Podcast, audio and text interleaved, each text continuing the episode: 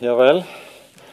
Det er et stort emne som er satt opp som tema for uh, denne kvelden.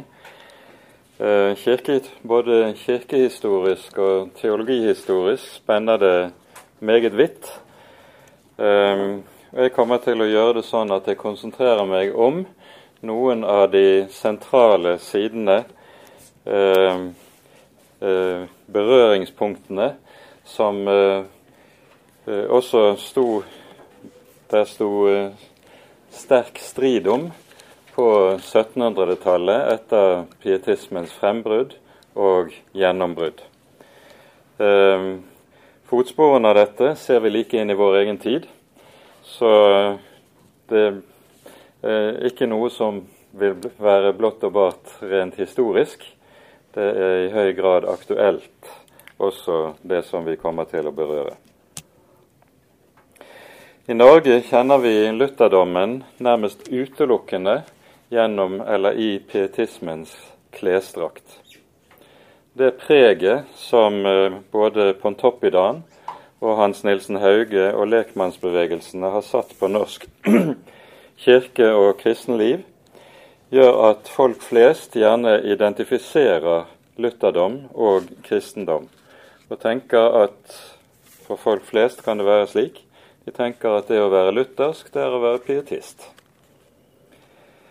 Pietismens selvforståelse har vanligvis vært å se seg som en nødvendig revitalisering av en ufruktbar og stivnet ortodoksi.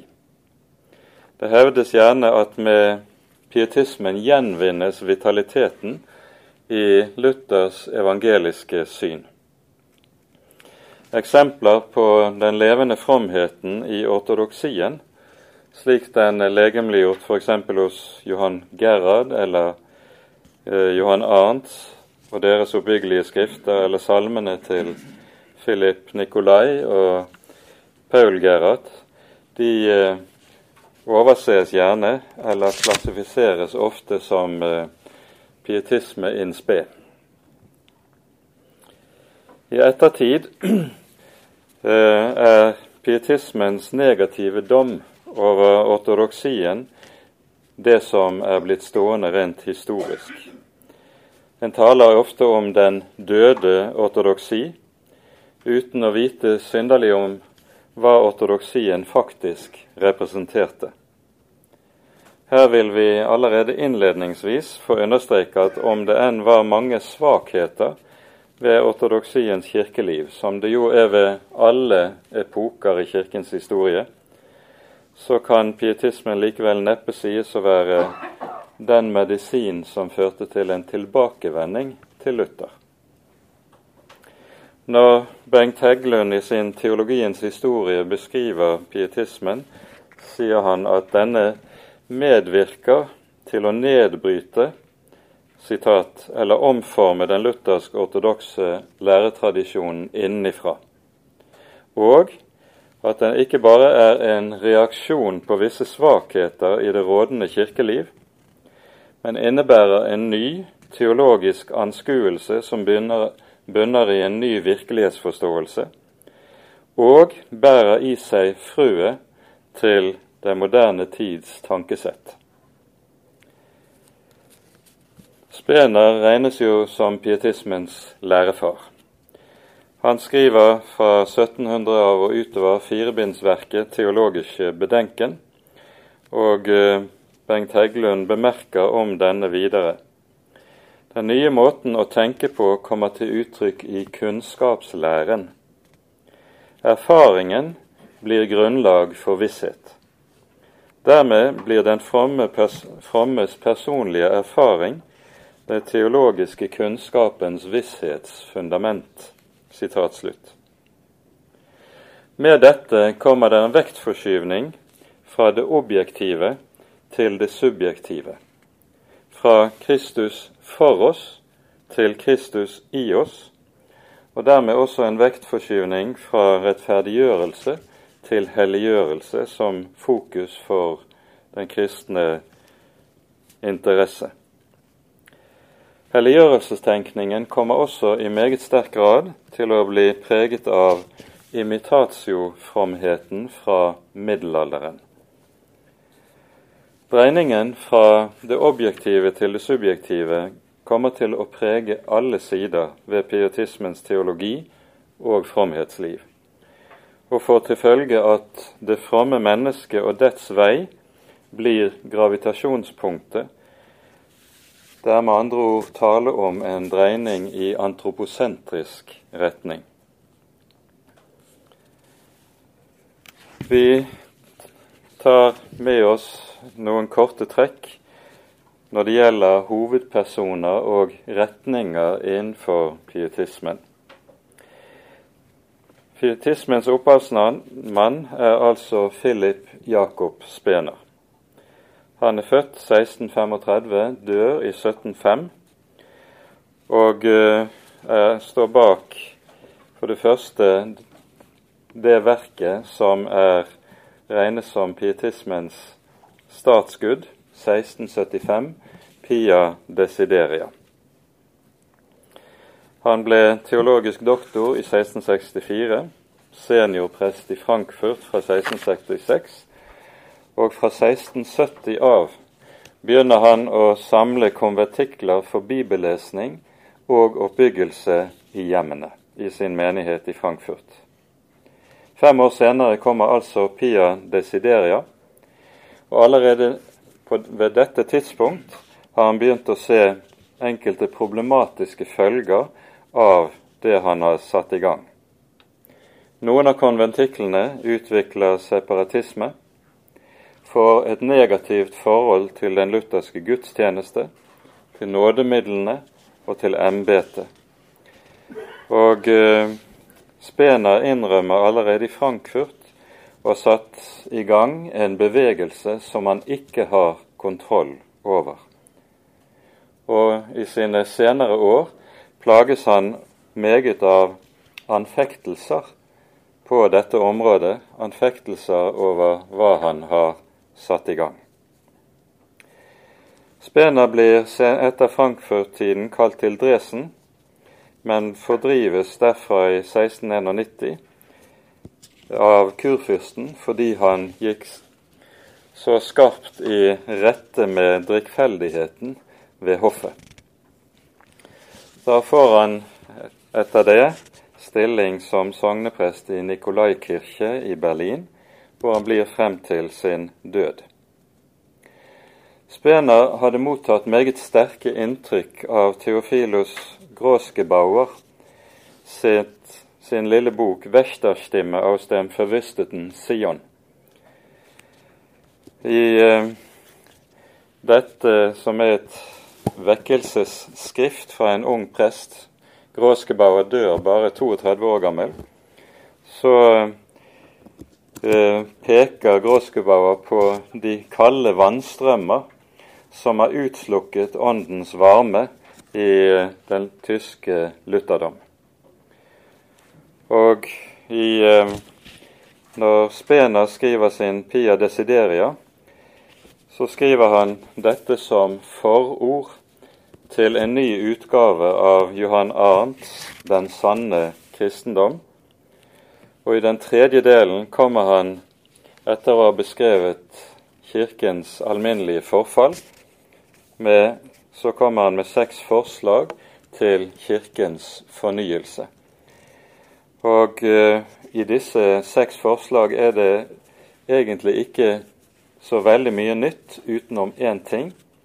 Det er at han foreslår nettopp at det skal etableres konventikler til, for de troendes oppbyggelse i hjemmene. Det er nytt. Pietismen kommer nokså snart til å dele seg i tre hovedretninger. Vi får for det første det som kalles for hallepietismen, der August Herman Franke, professor i Halle fra 1692, er den sentrale personligheten sammen med Joakim Lange, som ble professor i Halle eh, en 15 års tid etter Franke. Joakim eh, Lange blir i særlig grad pietismens polemiker, og har en til dels voldsom polemikk mot den, den lutherske ortodoksi.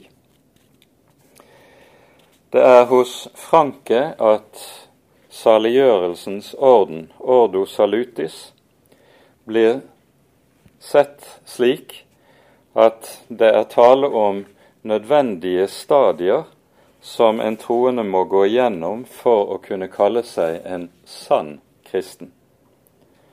Det er her i Halle også den loviske innstillingen i forhold til adiafora får innpass, og vi bør for vårt vedkommende peke på også at det særlig er hallepietismen som får nedslag i Danmark-Norge.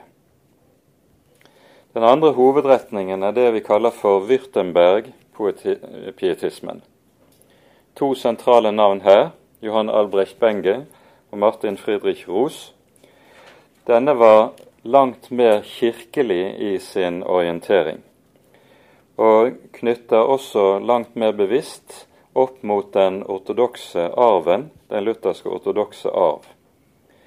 Og eh, I Skandinavia er det særlig hos Henrik Schartau i Sverige man ser eh, Würtemberg-pietismen finne nedslag. I det hele tatt så får hallepietismen liten eh, innvirkning i Sverige og Finland, det er Wirtenberg-pietismen som der kommer til å sette de dypeste fotsporene. Og Dette er også meget av hovedårsaken til den relativt store forskjellen en ser på dansk-norsk kristenliv på den ene side og svensk-finsk kristenliv på den annen side. Den tredje hovedretningen innenfor pietismen er det som gjerne kalles for radikalpietismen. Denne utvikler seg ganske eh, viltvoksende, får sterke rasjonalistiske innslag og påvirkes både av sosianismen, Bøhme sin eh, mystikk, og eh, eh, svelges for en del også opp av den moderne opplysningen.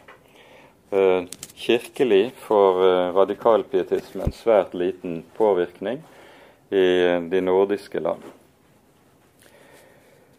Den fremste kritikeren av pietismen i dens fremvekst var Valentin Ernst Løscher.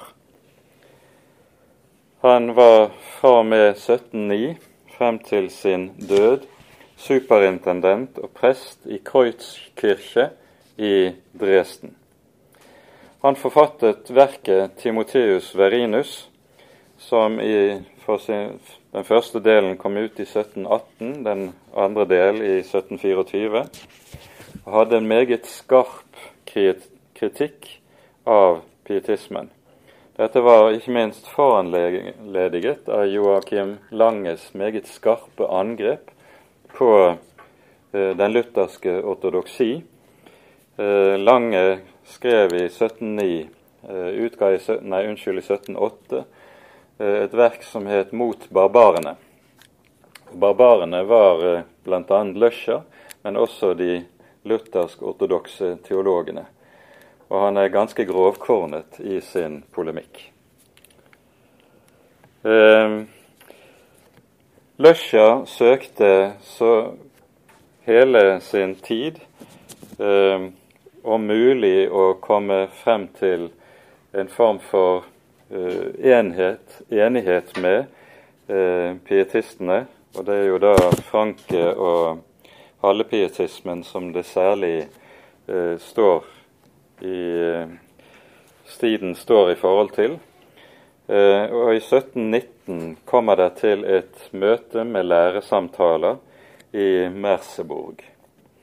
Disse læresamtalene fører ikke til noen ting, annet enn at Franke på slutten Eh, overleverer et skriv der han hevder at eh, de i Halle er eh, ulastelige rent læremessig, og der han krever at Løscher må omvende seg. Han mener at Løscher er en uomvendt eh, og død kristen. Når det gjelder striden mellom Lange og Løscher, skriver Heggelund i sin teologiens historie at Lange opptrådte med en heftig og i sak underlegen polemikk. Løsja regnes som den siste ortodokse teologen av noe format, og han eh, sammenfatter i sitt verk Timoteus Verinus eh, pietismen slik Habitus religionis forvandles til selve religionen og frelsens kjerne. Løscher sporer pietismens røtter til Luthers tidlige interesse for den tyske mystikken. Luther utga jo i sine unge år Taulas Theologia Deutsch og også Thomas A. Kempis Kristi etterfølgelse, noe som han senere, i 1537, når han utgir sin disputatio contra eh, antinommer, eh, uttrykkelig sier at han angrer på. I Norden er det antagelig Fredrik Gabriel Hedberg i Finland, en finsk prest som lever fra 1811 til 93, som er den fremste motstanderen mot den pietistiske bevegelsen. Han skrev 'Troens lære til salighet' i 1844, og året etterpå kom hans eh, lille bok 'Pietisme og kristendom' med en meget skarp kritikk Eh, først og fremst av den tenkningen om saliggjørelsens orden som var blitt utbredt. For det tredje må vi også nevne Carl Olof Rosenius. Han utgir jo i sin tid et blad som får en veldig utbredelse, og bærer navnet Pietisten.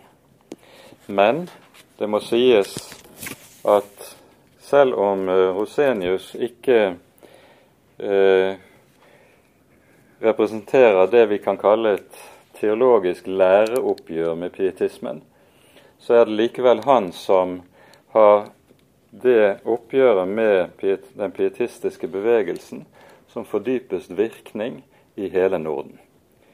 Eh, og Rosenius vegrer seg jo meget for i det hele tatt å bruke tenkningen rundt saliggjørelsens orden i sin måte å skrive på. Vi kan godt si det slik at Rosenius' oppgjør med pietismen det er et oppgjør som først og fremst har sjelesørgerisk sikte. Vi må si litt om det vi allerede har vært inne på, tenkningen om saliggjørelsens orden, som er noe av sentralpunktet teologisk i det vi eh, skal befatte oss med i kveld. Begrepet ordo salutis blir først brukt av en eh, Johan Franciscus Bodeus, som var professor i Halle. I, fra, han dør i 1729. Og dette kom jo altså til å bli fundamentalt innenfor pietismens forståelse av frelsestilegnelsen. Tenkningen rundt ordo salutis ble først formulert i ortodoksien. Både hos Abraham Kalovius og Kvenstedt finner man tale om dette, selv om begrepet ikke anvendes. Men de legger gans, noe ganske annet i eh, dette enn det en finner hos de pietistiske lærefedre. Og her er det hos oss Pontoppidan som ganske særlig er et sentralt navn. Hos ham finner en en annen forståelse av saliggjørelsens orden enn det man finner i ortodoksien. Hans bok 'Sannhet til gudfryktighet' har hatt en uberegnelig innflytelse på kristent liv og opplysning både i Danmark og i Norge. Ingen av de lærebøker som har avløst denne, har i den grad vunnet befolkningens hjerte. Dette skriver også uh, Heggelund i sin teologiens historie. Pontoppidan setter likesom de ortodokse gjenfødelsen før rettferdiggjørelsen. I spørsmål 501 i sin forklaring lyder det Hva er rettferdiggjørelsen? Og svaret lyder Den er gjenfødelsens aller nærmeste frukt. Men da er det viktig å presisere, i tråd med det moderne frembruddets kunnskapslære, som gjør erfaring til kunnskapens fundament, med dette med gjenfølelse menes det en følbar og erfarbar åndelig opplevelse. Dette har til følge at det som skjer i mitt hjerte, utgjør forutsetningen for det som skjer i Guds hjerte. Like som dette også går forut i tid. I eh, apologien til eh, den augsburgske bekjennelse identifiseres i motsetning til dette gjenfødelsen og rettferdiggjørelsen. Det er to sider av samme sak. Det skilles ikke ad, så det ene blir forutsetning for det andre. Hos Johan Gerhard, den fremste av de ortodokse teologene, er gjenfødelsen sett på som noe som skjer med mennesket, ikke noe som skjer i mennesket. Og gjenfødelsen ble dermed ensbetydende med opptagelse i nådens stand. I spørsmål 489 i sin forklaring skriver Pontoppidan følgende. Hvorpå kan et menneske kjenne om han er gjenfødt? Og han svarer det kjennes på hans hjertes alvorlige forandring og de nye nådegaver som gjør ham til et kjennelig og nytt og annerledes menneske. Leif Aalen kommenterer til dette at her fremtrer gjenfødelsen som en erfaring av indre nådevirkninger. Dette svarer helt til Frankes eh, benevnelse av gjenfødelsen som durchbruch, gjennombrudd, dvs. Si som en daterbar opplevelse. I Troens speil skriver Pontoppidan følgende. Det være langt fra oss å tenke at bodferdighet troen og renselsen fra døde gjerninger skulle som fortjenende årsaker dra den høye og hemmelige følelse av Guds nåde etter seg. Men dog må den sanne botferdighet endelig, etter Guds sedvanlige husholdning, gå foran som vilkår, uten hvilken sjelen ikke er skikket til å nyte den minste enn si de høyere av Guds nådegaver. Aalen kommenterer til dette. Den forutgående forsikring hindrer ikke at Pontoppidan i kraft av det etterfølgende vilkår i siste instans å henvise de anfektede til å stole på sin egen indre beskaffenhet. Så fremt det kun står riktig til hos dem med anger, godt forsett troende lengsel etter Jesus og daglig, om enn skrøpelig, utrustning til åndens kamp og strid mot kjøden, så har de slett ingen grundig årsak til å nære noen tvil om sin sjels gode tilstand. Jeg siterer Ålen fra Troens speil. Løscher feller på denne bakgrunn en meget hård dom over pietismen. Han skriver i Timoteus Verinus den er et onde som vokser frem i sammenheng med streben etter fromhet. Den gjør sannhet avhengig av fromhet.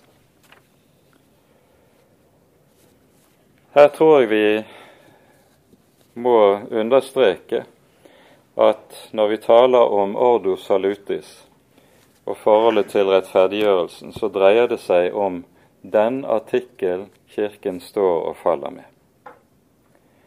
Og her vil jeg få lov til å understreke følgende. Den som binder et menneske til Kristus i meg, vil uvegerlig komme til å bygge troens frimodighet og frelsesvisshet på eh, det som er i mitt eget hjerte, og dermed føre sjelen inn under loven. I min egen tjeneste som prest har jeg møtt ikke så rent få mennesker som ikke tør ha frelsesvisshet. Frelsesvisshet ses på som noe som er mistenkelig. Årsaken til dette er å finne i kravet som ligger i spørsmålet er du en sann kristen. En sann kristen må ha angret på rette vis, omvendt seg på rette vis, ha et hellig hat til synden, før han kan tro seg rettferdiggjort og frelst. I spørsmål 497 hos Pontoppidan lyder det som følger. Hvordan kan jeg da kjenne om min tro er levende eller død? Og han svarer, det kan jeg kjenne på dens kraftige virkning i hjertet, nemlig kjærlighet til Gud og til nesten, hat til synden og seier over verden, nådemidlenes rette bruk og sådant mer. Den anfektede henvises med andre ord til granskning av sitt eget hjerte noe som uvegerlig ødelegger muligheten for frelsesvisshet. Så er det ikke tilfeldig at det som har vært kalt for monstrum incertitudinis, det er Luthers eh, begrep, uvisshetens monster, gjør sitt inntog i den lutherske kirke. For med dette er en tilbake i nøyaktig den samme frelseslære som førte Luther til fortvilelsens rand. Hvis vilkåret for å tro Guds nåde er at jeg angrer rett, bekjenner rett eller bærer bestemte troens frukter, da er jeg fortapt.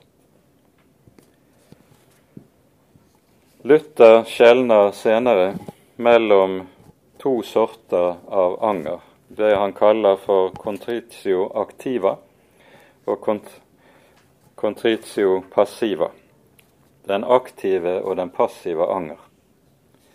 Den første er den anger som er, ikke er noe annet enn menneskelig forsøk på å få til en anger som er tilstrekkelig til at Gud kan se i nåde til meg. Den andre anger, den passive, er den som innjages i samvittigheten av loven, og som altså er en virkning av ordets forkynnelse. Leif Aalen kommenterer her. Hos Pontoppidan blir donatio fidei, troens gave, i betydningen etisk forvandling, en forutsetning for og betingelse for rettferdiggjørelsen. For det er kun den sanne og levende tro som har rett til å ta til seg evangeliet. Når dette samtidig hører sammen med en avvikling av nådemidlenes betydning for troslivet, mistes enhver forutsetning for troens frimodighet. Aalen fortsetter med å skrive Dåpssakramentet sjaltes ut som virksomt moment i frelsens orden. Luthers sterke understrekning av dåpens, nadværens og skriftemålets betydning for troens frimodighet blir byttet ut til fordel for botskampen og for verdensforsakelsen. I alt dette er det halvpietismen som beskrives. Pontoppidan har på dette området åpenbart hentet inspirasjon fra Spener. Heggelund skriver om dette. Hovedvekten legges på gjenfødelsen, som av Spener oppfattes som at en får det nye livet gitt. Rettferdiggjørelsen utgår av gjenfødelsen som dens frukt. Den rene lære om tilregnelse av troens rettferdighet har blitt erstattet av en fremstilling hvor rettferdiggjørelse og helliggjørelse blir en enhet. I og med at katolsk teologi nettopp er slik at rettferdiggjørelse og helliggjørelse er to sider av samme sak, så beveger Spener seg dermed meget i en retning der han kommer meget nær til den katolske teologi som reformasjonen brøt opp ifra. Francis Pieper kommenterer dette i sin dogmatikk og skriver følgende The essence of pietism was that it led men to base their state of grace before God on inner experience of the human heart, contrition, faith, and internal renewal, instead of basing it on the grace earned by Christ and offered by Him in the objective means of grace. Jeg tror jeg dropper resten av sitatet, det er ganske langt. Når uh, i vår egen tid Matteus Holte som leder for det haugianske vennersamfunn, motarbeider det han kaller for nyevangelismen. Det er jo navnet på den uh, retning som eh, eh, kom fra eh, skriver sine røtter tilbake til Rosenius, så er kjernen i hans argumentasjon nettopp det forkastelige i at rettferdiggjørelsen settes forut for gjenfødelsen, og at rettferdigheten for Gud er en rettferdighet utenfor oss, ekstra nås. Nettopp dette bekjempes med stor lidenskap av Matteus Holte. I enkelte av Brosons salmer finner vi også nedslag av denne måte å tenke på, der eh, troens frukter blir avgjørende med tanke på om eh, trosvissheten. I eh, en salme som står i Delk-salmeboken, skri, skriver Broson slik Gud sitt lys blant oss lot skinne. Vet du også om du tror? Har du merket noensinne at din Jesus i deg bor? Har Hans nådestrålers kraft i din sjel sin virkning haft? Kan du i ditt hjerte finne at et lys er tent der inne? Dette er meget karakteristisk for dette fokus på det fromme hjertet som ligger i denne åndsretning. Sammenfattende må en si om denne side ved pietismen at gjenfødelsen i betydningen erfart opplevelse settes forut for rettferdiggjørelsen. Det vil si altså det som skjer i mitt hjerte, betinger det som skjer i Guds hjerte. Det subjektive blir forutsetning for det objektive. Vekten på Guds Kristi rettferdighet utenfor oss forskyves over til Kristus i oss. Og så vil jeg igjen understreke den som binder et menneske til Kristus i meg, fører det uvegerlig inn under loven. Det er ikke tilfeldig at Luther ofte taler om troens rettferdighet som en fremmed rettferdighet. Justitia aliena. Rettferdigheten for Gud består ikke i en indre forvandling i den troende, men er gitt i Kristi person og verk. Det er Kristi person som er min rettferdighet for Gud. Og Det han har gjort, det har han gjort utenfor oss og uavhengig av oss. Det er ikke noe annet som kan gi den anfektede hvile og frimodighet i troen. Vi skal ganske kort også peke på noen andre sider ved, eller følger av, den eh, fokusforskyvning som kommer inn med pietismen. Vi nevner her for det første verdens forsakelsen og adiafora-fromheten eller loviskheten. Der settes nokså raskt ned forbud mot alt som kan kalles forfengelighet. lek og latter blir sett på med mistenksomhet. Klesdrakt, hårsfrisyre kunne fort bli koder som avslørte om en var innenfor eller utenfor, om en hadde den sanne tro eller ei. Sammen med dette kom også ofte en kulturfiendtlighet. Kunst, musikk, litteratur, teater ble sett som, på som verdens forlystelser, og som en kristen overhodet ikke skulle befatte seg med. Det som hadde all vekt, var Kristus i mitt eget hjerte. Alt annet ble sett på som noe som ledet bort fra ham. En annen side som også ofte kom til å bli en konsekvens, var læremessig likegyldighet. Bekjennelsen ble ofte underkjent som død ortodoksi, eller eventuelt som partivesen. Um, og betegnelsen luthersk det ble også sett på som uttrykk for partisinn.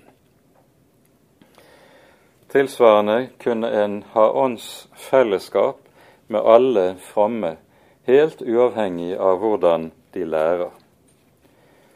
I en rekke sammenhenger kunne en se for øh, fiendskap mot høyere utdanning, særlig mot teologien, og ikke minst blir ortodoksiens periode satt i vanry.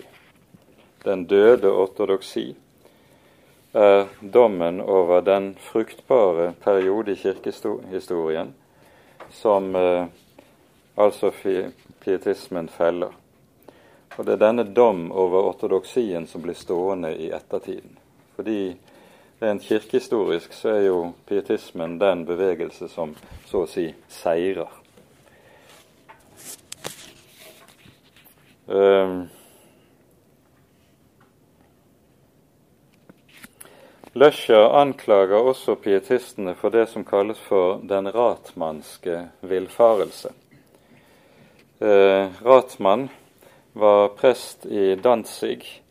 Eh, han dør i 1628, og det som kjennetegner han er at han skiller ånden fra ordet. Eh,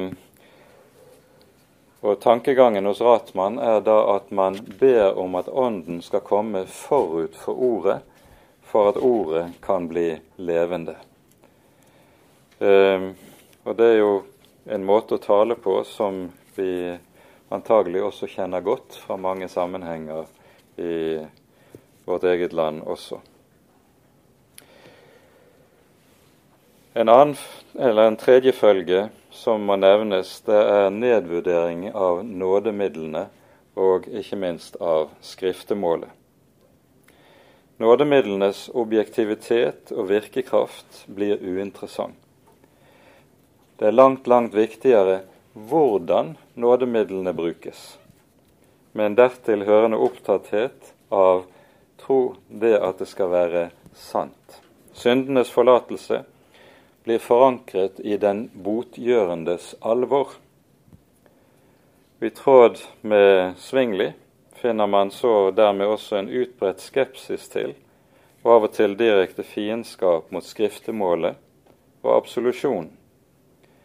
Man søkte ikke bare å avskaffe eventuelle misbruk, men også den rette bruk.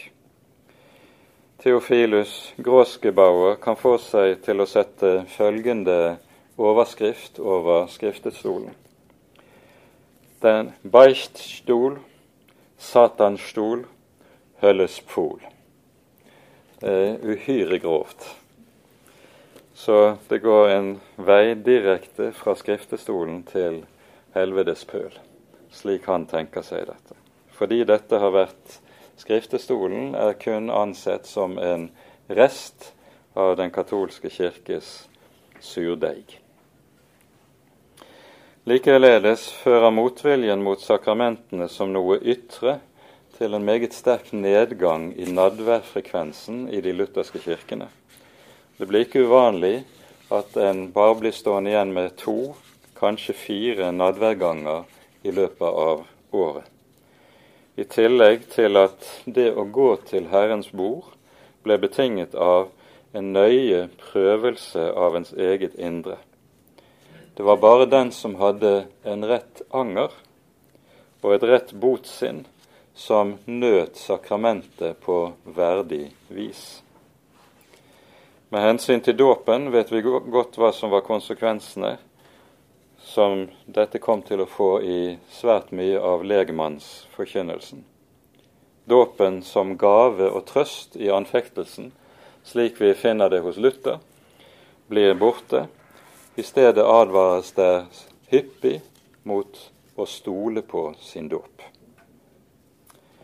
Den adfektede som fortviler over seg selv og er forferdet over lovens dom, henvises til bønnen i stedet for til nådemidlene og Guds universelle frelsesvilje i Kristus. Og den helhjertede bønn skal føre til opplevelsen av Guds nåde. Johan Philip Fresenius sin eh, nadværbok 'Beichtund kommunionsbord Jeg har et eksemplar av den her. Det er meget utbredt både i Tyskland og i Danmark-Norge skriver her om hva som eh, kjennetegner en sann og grundig omvendelse. Be om nåde. Går du inn i ditt lønnkammer slik Frelseren sier, bøy dine knær og rop av all makt om nåde. Ikke bare om at dine synder må bli tilgitt for Kristi skyld, men også om den nåde at ditt hjerte må bli forvandret, at din kjærlighet til synden blir knust, disse bønner må du fortsette med, ikke bare én eller to ganger, men daglig med sukk og sterke rop, inntil du opplever nåde. Som ut fra din egen erfaring forsikrer deg om at ditt hjerte er blitt virkelig forandret. Missouri-synodens lærefader CFW Walter skriver eh, en kommentar til dette i sin bok om lov og evangelium. Lov og evangelium blir ikke rett delt når syndere som er forferdet over loven, ikke blir hjulpet med ord og sakrament, men i stedet henvises til sine egne bønner og kamp med Gud, for at de på den måten skal vinne frem til nådens stand. Dette, alt dette henger sammen med det naturlige menneskets trang til å basere forløsningen på noe i sitt eget hjerte og ikke på noe utenfor seg selv. Og På denne måten gjør gratia, gratia infusa sin entré igjen i lutherdommen via pietismen. Det er bare den personligheten som selv er vakt til sant åndelig liv, som også kan formidle åndelig liv til andre. Følgelig kommer den vakte personlighet til å ta nådemidlenes plass. Spener er så redd for en katolsk bruk opus operatum av sakramentene og skriftemålet, og kjødelig sikkerhet knyttet til dette, at han kommer til å underminere det som er så grunnleggende i Luthers teologi, nemlig frelsesvisshet grunnet på frelsens objektive virkelighet. Kristus ekstra nås, slik denne nettopp formidles i nådemidlene, blir borte. Og så får uvisshetens monster altså sin plass igjen innenfor den lutherske kirke. Franke forstår forkynnelsen av evangeliet ikke så mye som en proklamasjon av syndenes forlatelse for Kristi skyld, som i stedet en preken om Kristus som kilden til det nye liv og som dermed den som muliggjør gode og Gud velbehagelige gjerninger. Tilhørende skal bringes til en nøye selvprøvelse, slik at de derigjennom kan få klarhet over om de er sanne eller falske kristne. Derfor blir forkynnelsen av ordo salutis så sentral. Den ekte omvendelse er kjennetegnet av en rett botskamp og opplevelse av nåde. Sammen med det vi her har pekt på, må vi også nevne som et punkt fire en økende negativitet til liturgien og til faste bønner. Liturgien blir noe ytre og bedømmes som ritualisme, eller noe senere som høykirkelighet. Presteklær og andre kirkelige ordninger likeså. Spener uttaler seg sterkt imot ordningen med at vi har kirkeårets tekster, og skriver jeg ønsker av hele mitt hjerte at vår kirke aldri hadde tatt inn ordningen med tekstrekker, men i stedet hadde tillatt valgfrihet, eller i det minste gjort episteltekstene til hovedtekster i stedet for evangeliene. Gottfried Arnold, som følger etter i Halle, skriver senere tekstrekkene er en ond og vederstyggelig amputasjon av Bibelen. De frie bønner blir idealet. Da er det hjertet som taler. Gudstjenesten blir ikke lenger sett på som feiring av frelsens mysterium, men som et sted der de troende skal motta undervisning og oppdras.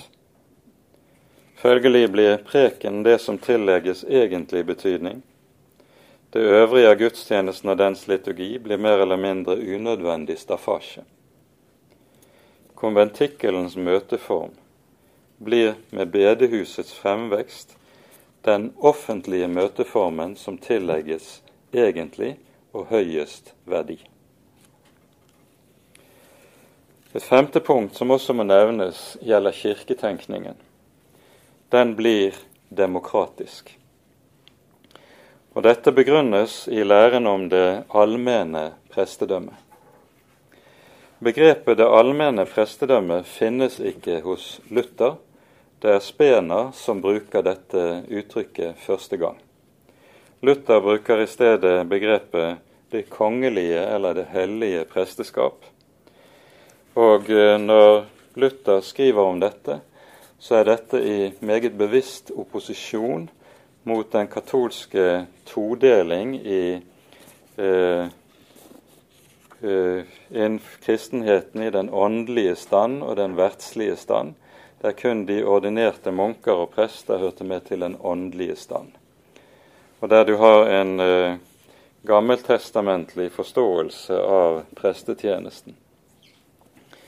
Når Luther taler om det kongelige presteskap, så sier han i stedet alle kristne, enten de er prester eller munker, eller de er barn, eller de er Jørgen Hattemaker. De er alle sammen slike som hører til de kongelige presteskap, uten forskjell.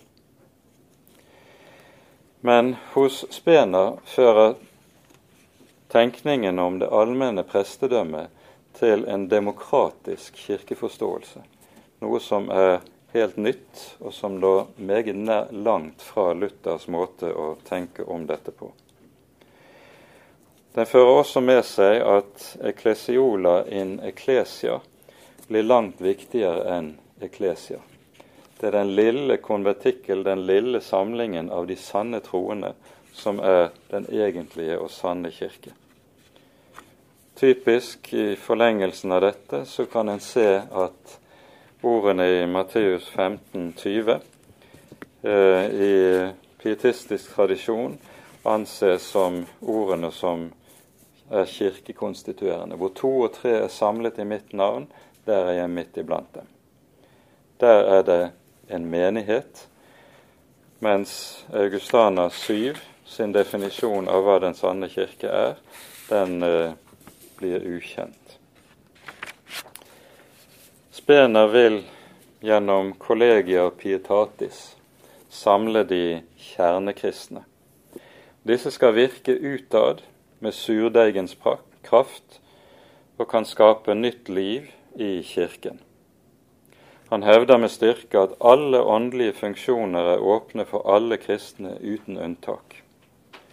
I forlengelsen av dette nedvurderes også det kirkelige embetet og det blir vanlig å se på forholdet mellom det allmenne prestedømme og ordets embete som et motsetningsforhold, noe som var meget fjernt fra både Luther og reformasjonsfedrene. En flat, demokratisk forståelse av kirke og menighet passer ellers som hånd i hanske med det moderne gjennombruddet som etter hvert kommer med opplysningen og den menneskerettighetstenkning som kommer på denne tid. Det kunne også sies en del om sangtradisjonen som uh, vokser frem i piotismens kjølvann. Den får meget sterk vekt på det subjektive. Men vi tar ikke mer tid til dette.